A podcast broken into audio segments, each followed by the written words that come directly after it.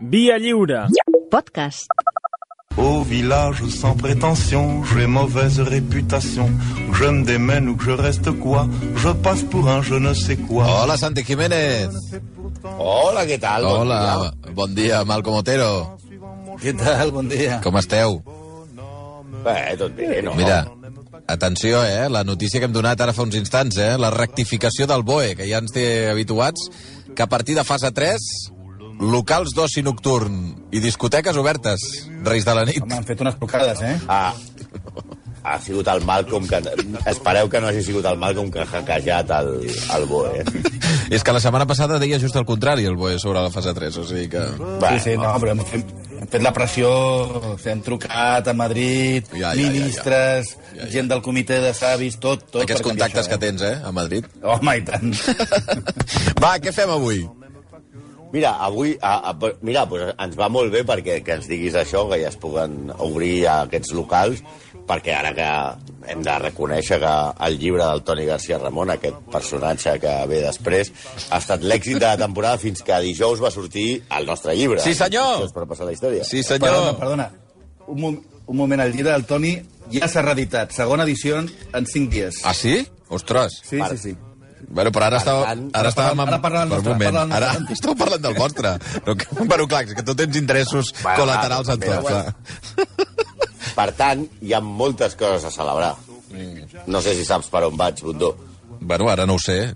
Mm, El, dinar aquest, la cuchipanda Ah! que ens Ai, deus que allà a Girona, Sou la molt- tauleta guardadeta. Uf, sou molt pesats. Que la, que la No gent es va de sobre. I tenim molt, molt a celebrar. O sigui, fes la trucadeta al teu amic Joan i, Però- que, i posa dia. Quina trucadeta i quin amic Joan. Amic Joan, Joan Gaspar, l'amic Joan.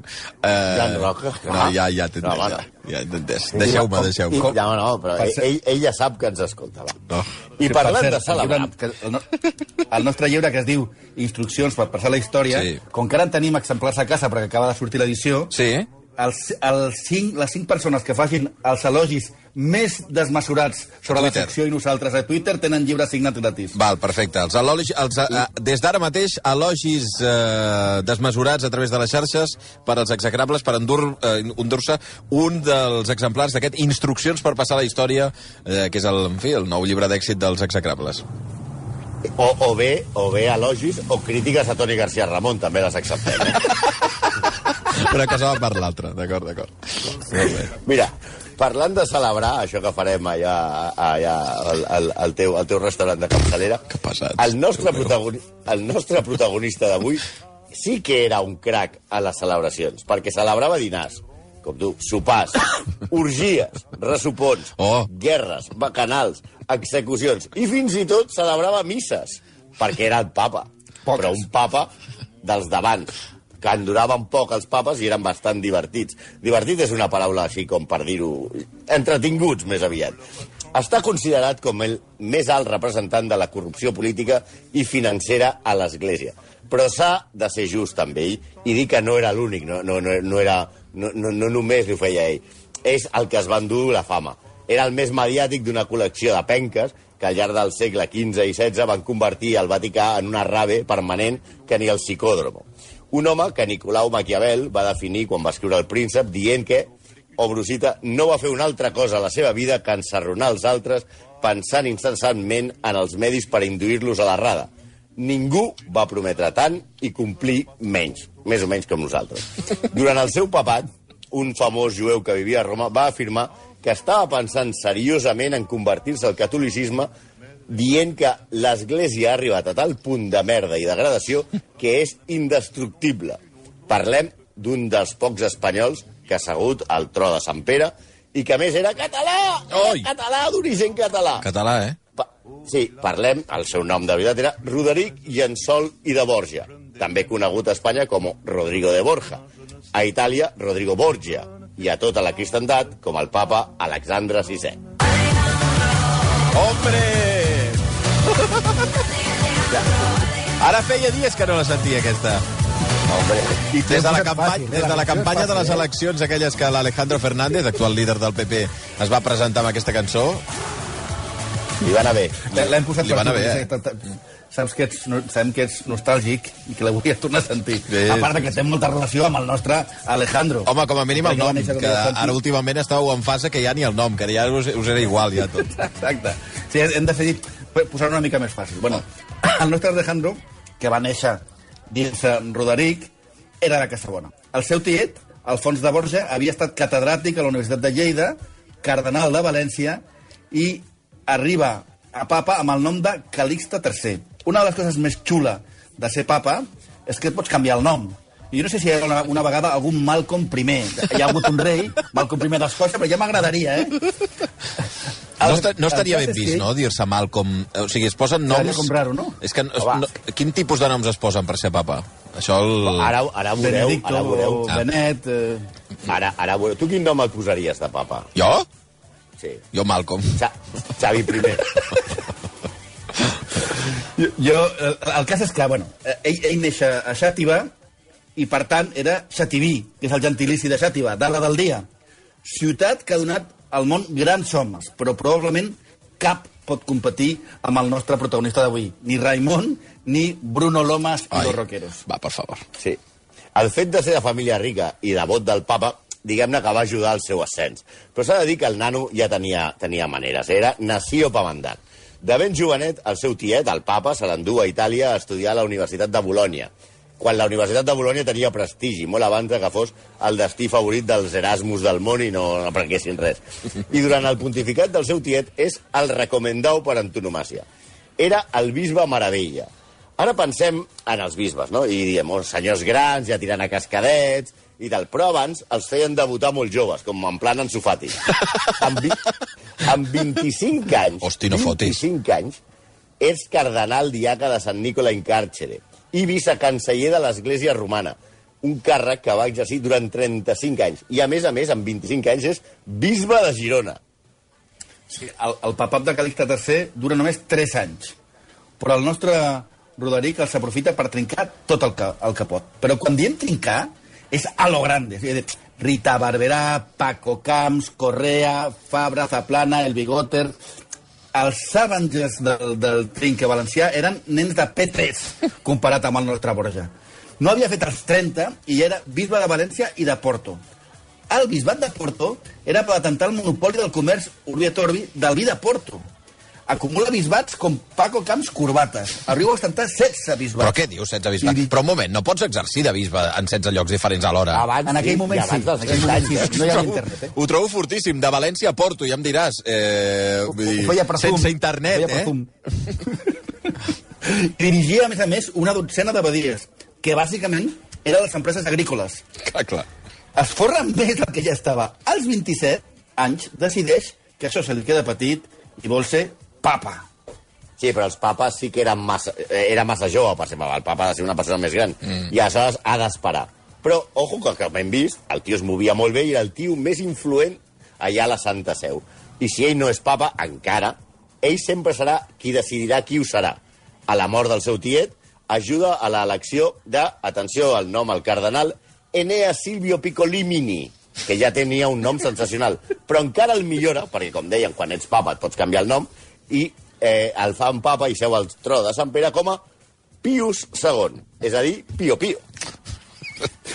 Pio Pio, que ja no jo, Va. amb, amb Pio Pio, que ja no jo, el seu poder augmenta i només amb 29 anys ja ostenta el màxim, el màxim càrrec de l'Església Catòlica després del papa, que és el, cardi, el cardenal protodiaca.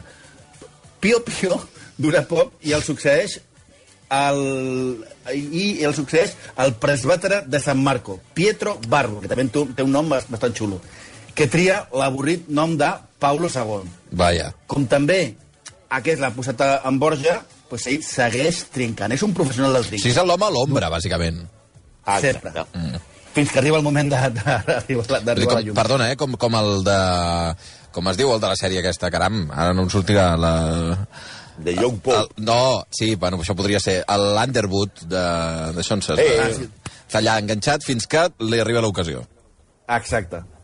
De, de fet, durant el papat de, de Paulo II és anomenat també bisbe d'Urgell, copríncep d'Andorra. És a dir, que a més de Porto te manegava tabac, mantega, electrònics... Bueno, però Paulo dura poc i palma els més o menys als dos anys. Ja hem dit que els papes d'abans tenien, diguem-ne, obsolescència No programada. duraven res, els papes d'abans, és veritat. No, No, no, després veurem per què, perquè bàsicament se'ls anaven carregant. Ja, ja, entre ja, ja, ja, ja. A, a, a Paulo II el succeeix eh, un cardenal que es deia Francesco de la Rovere, un altre nom estupendo. Sí, senyor. Que Hosti, són canvia molt el- bons, eh? Sí, sí, sí. Que es canvia el nom, per ser papa, pel nom no menys molon de Sixte IV. Sí, senyor. El collonut és arribar a Sixte VI. Sixte, Sixte. És el que estava passant. Però, sí, sí. A, amb aquest, el de la Rovere s'ha al tanto, perquè la família de la Rovere va ser sempre una de les arxienamigues dels Borgia. Potser és la primera família amb la que s'enfronta, però després, com veurem, diguem-ne que els Borgia no anaven fent amics per Itàlia. Sí, fi- fins, i tot, fins i tot aquest papa, que el, que, que el veia amb recel, queda molt satisfet dels seus serveis i va concloure que era un dels millors administradors que havia tingut. Conseqüència, segueix acumulant càrrecs. Ara ja és degà del Col·legi Cardenalici, Cardenalici, bisbe de Santa Rufina i de Mallorca. Però, perdona, tot això s'ha acumulat? O sigui, no substitueix Sí, sí, una a sí, un sí, altre. no És que em sembla al·lucinant. O sigui, va sumant. No, no, eh, eh, eh, és el risc. com, aquell, com aquells, aquells polítics que van acumulant càrrecs a la. Diputació, Sí, sí, sí, allò, sí. a, a l'Ajuntament i tal. I sabeu què va passar a, amb, el, amb Sixte IV? Pues que també va durar poquet. Ja, ja. I el va succeir Innocenci. M'encanta. Que quan la dinya, que, que ja portem més papes que entrenadors l'Espanyol, eh? Sí, sí. ja arriba el gran moment de Roderic Llençol. Aparteu les criatures, que arriba el superpapa. No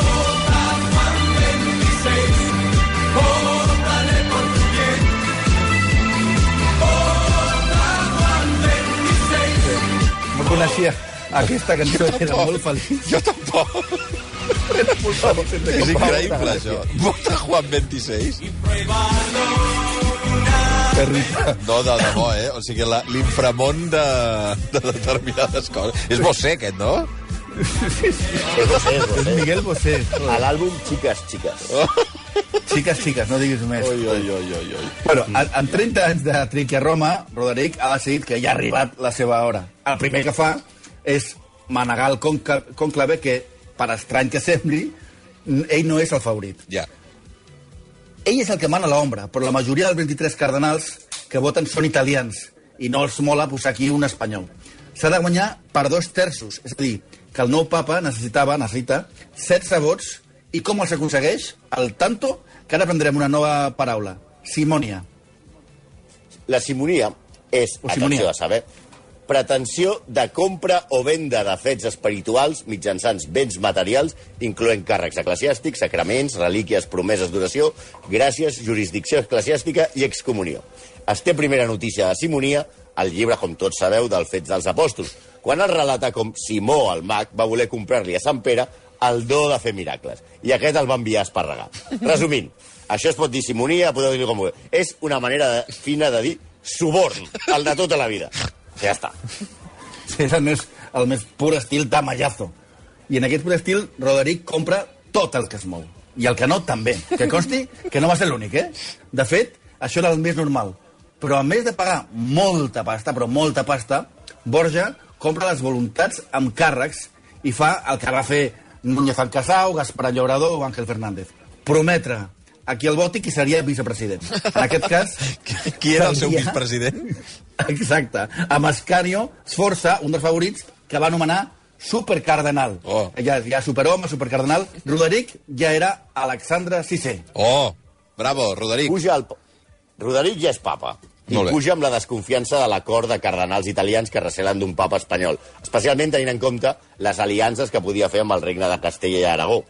Per guanyar-se els romans a la, a la ciutadania, es dedica a fer una mica de tram, no? I es dedica a carregar-se tots els criminals o sospitosos de ser-ho, uh, de, de, de fer malifetes a Roma. I ho fa a lo grande. Els executa en plaça pública i Hosti. destrueix les seves propietats. Hosti. De cara al públic és el papapopulisme. Hosti, que bèstia, Sí. no? Això de cap en fora, de, de, de, de, públicament, però de portes endins segueix trincant. Si ho feia quan era bisbe, com a, com a papa, imagina't. És el sector dels negocis del papat. Atenta la companyia a les seves mesures al seu primer any de papat. El primer que fa és beneir l'expulsió dels jueus d'Espanya decretada pels, pels reis catòlics. Parlem entre 50.000 i 200.000 persones que van haver d'abandonar les seves possessions que, que se les van repartir a mitges als reis catòlics, que van ser nomenats per ell, i al papat. Però la jugada encara és més rodona, perquè els jueus expulsats, el papa, amb un acte de suposada magnatimitat, els acull a Roma sempre i quan paguessin un, un, un, un impost especial. Oh, brutal. és a dir, trincava per totes dues O bandes. sigui, els fot, Gent. perdona, els fot fora d'Espanya, els hi roba les propietats eh, en aquell moment i diu, si voleu venir, podeu venir aquí, però em pagueu alguna cosa. Exacte. Sí, És brutal. Un geni. Però això, ojo, que això no és res comparat amb el que va fer amb el príncep Dim. Aquest pobre desgraciat, el príncep Dim era el germà del sultà de Constantinople, amb qui tenia certs problemes successoris. Coses de família, Ja, ja, ja. sabeu. I, i, i espera, un creia que havia de regnar ell i l'altre no estava massa d'acord. Ja, Ja. I aleshores, en lloc de matar-se, que acabarà malament la cosa, ja us anuncio, Ja. Alexandre VI tenia molt bona relació amb els turcs i es va oferir a, a, a ser l'àrbitre a la disputa familiar. Sí. I va acollir a Roma el príncep Dim a canvi del pagament de 40.000 ducats anuals d'or. Allà, el príncep se suposava que estaria segur i renunciaria als seus drets successoris. La cosa semblava arreglada. Ai, però el pobre Dim va morir poc temps després a arribar a Roma en estranyes circumstàncies.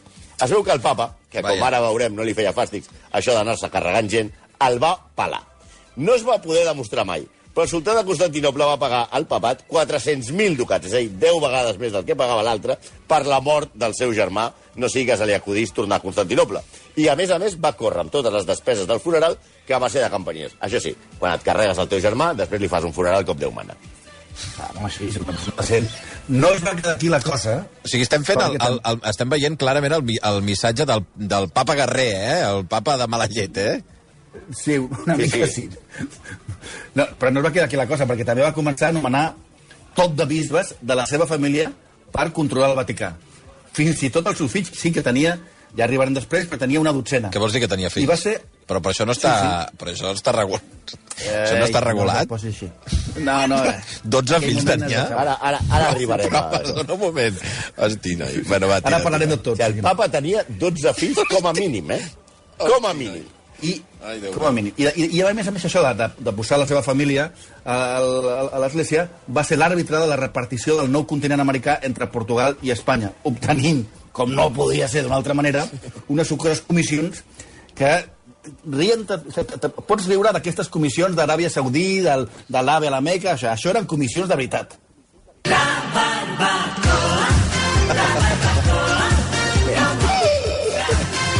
ja hem avançat. Si hagués existit George? Dan al segle XV, eh? Home, eh, eh, George Zidane Bueno, no néixer por ahí, igual eh? sí, perquè aquest home té una, té una edat. Ja, ja. Oh. Però vull dir que en, en, tenia en comú amb el papa que li agradava molt fer fogueres. Ara veurem per què. Hosti. Abans d'entrar a la seva versió més familiar, que fa que els Kennedy siguin la família Ulisses, un últim detall per entendre com és el nostre heroi i com manegava les crisis polítiques. Ja ha quedat clar que des del papat recolzava sempre la política dels reis catòlics, especialment de Ferran d'Aragó. En aquella època, Nàpols era part del regne d'Aragó, però el rei de França va reclamar drets successoris i va envair Itàlia amb el suport de moltes ciutats que eren regnes independents que anaven contra el papa, que el veien que era, que era un golfo, no? Per, tenien motius més que sobrats per, per ressalar del papa. I el rei de França entra a Itàlia. Sí, la- l'agitador de la revolta a favor de França i contra el papa era un monjo anomenat Savonarola. Un tarat que és l'inventor d'allò del faló de la vanitat, la foguera de les vanitats, no el falo de la vanitat, que No. seria una cosa. On es cremava tot allò que tant desagradava aquest Meapiles i tant agradava al papa. A les fogueres que muntava a Florència cremaven llibres, quadres de Botticelli i el que un altre desgra- desgraciat. Agafat eh, el lideratge de Savonarola, Carles VIII de França va passejar-se per Itàlia sense lluitar una batalla, però no sabia contra qui es jugava els quartos. Borja el va timar i va assegurar que Savonarola acabaria a la seva pròpia foguera després de que, obro cita, jo mateix tria els troncs per rostir-lo. Hosti. El cas, per no fer-ho llarg, és que el papa fa creure a Carles VIII de França, que està al seu costat, i el deixa conquerir Nàpols, o sigui, ven a, al, al, al seu aliat. Però quan torna cap a Roma, el papa organitza una revolta a tota Itàlia contra el rei de França i amb prou feines el pobre rei francès aconsegueix tornar a casa seva amb els calçotets posats. I Savonarola, preguntareu. Doncs va fer una bonica foguera. Ell, concretament, la va veure des de dintre. Hosti. No hay nada más lindo que la familia unida, atado por los lazos del amor. Sentir palpitar la misma sangre. Dia de treure un disc de les cançons d'aquesta secció. Hosti, és molt fort. Ja, ja, ja us hem avançat abans que el papa Borja era papa literalment, o sigui, era papa de veritat, era pare. Papa, o sigui, papa I no de Roma clar. i papa de papa, Papa. de fills. Papa, papa. papa. Ai, papa. Ai, papa. Papa! No, no, està, no està clar quants, Ai, quants papa. va tenir. Ai, el Ai, el papa, que no papa! arriba. Va, prou. Va, Papa, que el papa és papa. Va, bueno, la majoria dels historiadors coincideixen eh, en què va tenir una dotzena, dels quals, en figura legal, de Romanos Pontifice Genitus en Soluta, és de pontífex romà i dona no casada, va reconèixer set. Tres, Pedro, Pedro Luis, Jerònima i Isabela, de mare desconeguda. I quatre, els famosos, fruit de la seva relació amb Banotza Catanell, que són Joan, el preferit que, que no va donar la talla, Cèsar, un psicòpata tarat, Lucrècia, que no és la dels lunis, la dona que per ser-ho es va endur la mala fama quan només era una víctima. I Jofre, un pobre diable eh, al qual la dona li passava les banyes amb el sogre i el cunyat. Sí, tothom sabia que Alexandre VI estava liat amb Banotza. Sí, era, era, era, era molt comú que els papes tinguessin fills i es, tro es trobava la cosa més normal del món. Ja hem dit que, que, que el Vaticà en aquella època era una rave constant, eh?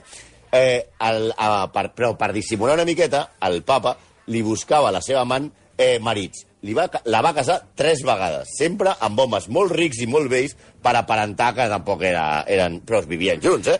Els quatre fills que va tenir amb Banotza Catanell els va fer servir pels seus interessos polítics, però no va calcular que César, César Borgia, amb el qual es basa el, a, el llibre de Maquiavel, El Príncipe, i que és l'autor de la famosa frase César o César o nada, estava absolutament grillat. Joan, eh, com era passava en aquelles famílies, el primer fill, el més gran, el destinaven a ser militar, i així va ser, va ser el cap de les tropes vaticanes. I César, el segon, el posaven a fer capellà. De fet, als 20 anys ja el va fer bisbe, i el va fer cardenal. Però al sociòpata aquest no li agradava, no li va molar massa això de fer de capellà, i de seguida es va treure els hàbits i va voler ser militar. I, de fet, per, per poder ser militar, es va carregar el seu germà, el va assassinar ell mateix. I també va matar el seu cunyat, el marit de Lucrecia Borgia, i va liquidar més gent que la Varola. A més a més, també tenia, quan no tenia res a fer, violava la seva germana. Un, un tio encantador. Però és que el cas de, de Lucrècia és una de les injustícies més flagrants de la història. Perquè ha passat a la posteritat com una assassina, una depravada sexual, que s'allitava amb el seu pare i el seu germà, quan només va ser una pobra nena que als 11 anys la van prometre en matrimoni amb l'hereu dels Esforça, per motius polítics, que es va casar als 13, que als 16 la van fer divorciar-se per casar-se als 18 amb el Font d'Aragó, que va ser assassinat pel César, el seu cunyat, i als 22 la van fer tornar a casa i casar-se amb un altre príncep. Òbviament, tanta maldat, sexe intrafamiliar, la família unida, unida per los lazos de l'amor, més que mai, i més morts que en una temporada de Jocs de Trons, perquè el psicòpata de César es feia acompanyar d'una colla de matons que es feien dir els catalans, perquè, de fet, eren, eren catalans! que, que eren, el, el, que eren a, a la seva guàrdia de corps, i es veu que eren uns animals que anaven assassinant gent pels passadissos quan deia m'ha mirat mal, cargar-se-lo. I això ho feia. Això no podia acabar bé de cap manera. César i el seu pare, explicarem com acabarà. César i el seu pare van organitzar un banquet per carregar-se un rival, el cardenal Adriano de Cornetto, que donaria nom anys després a un famós gelat que tots hem provat. Va enverinar el cardenal Cornetto al dinar. La idea era enverinar i, i carregar-se el cardenal. Però el cambrer encarregat de servir l'àpat devia ser el Manuel de Faulty Towers, perquè es va liar. I en lloc de servir el verí a només el cornetto, li va servir el verí a tothom. I allà es va liar parda. La, la llegenda diu que Manuel! la mala bèstia de... La, la, No, señor la mala ¿dónde me dijo el veneno? ¿Dónde sé dónde está el veneno? Ai, me encuentro mal, me encuentro mal. Bueno, no. Però el que, què va passar amb el Cèsar, que, que, que, que va sobreviure, i la llegenda diu, perquè en veure que l'havien enverinat, es va tancar despullat al ventre d'un toro, es va fregar amb la sang de la bèstia i després es va submergir en aigua, en, uh, aigua gelada. Li va faltar Oi, ja, oi. llapar el gripau d'en Nacho Vidal i fer un vídeo de he visto la luz, esto hay que comunicarlo. Ja, això, César es salva, després moriria a, a un bosc de, de Navarra lluitant contra 12 tios el- ell sol. Ai, ai. Però bueno, això és una altra cosa. Uh, el pare, el, el, el, Alexandre VI, no va superar l'enverinament perquè ja estava molt cascadet, que a més a més l'enverinament orquestat per ell mateix per matar el pobre Corneto. De, uh, el seu cadàver va ser... Sí, pobre tio, si ha de dir-se Corneto. El seu cadàver va ser exhibit en el, a, a, a, al funeral públicament putrefacte i inflat, Ai. amb els símptomes clàssics de la mort per enverinament.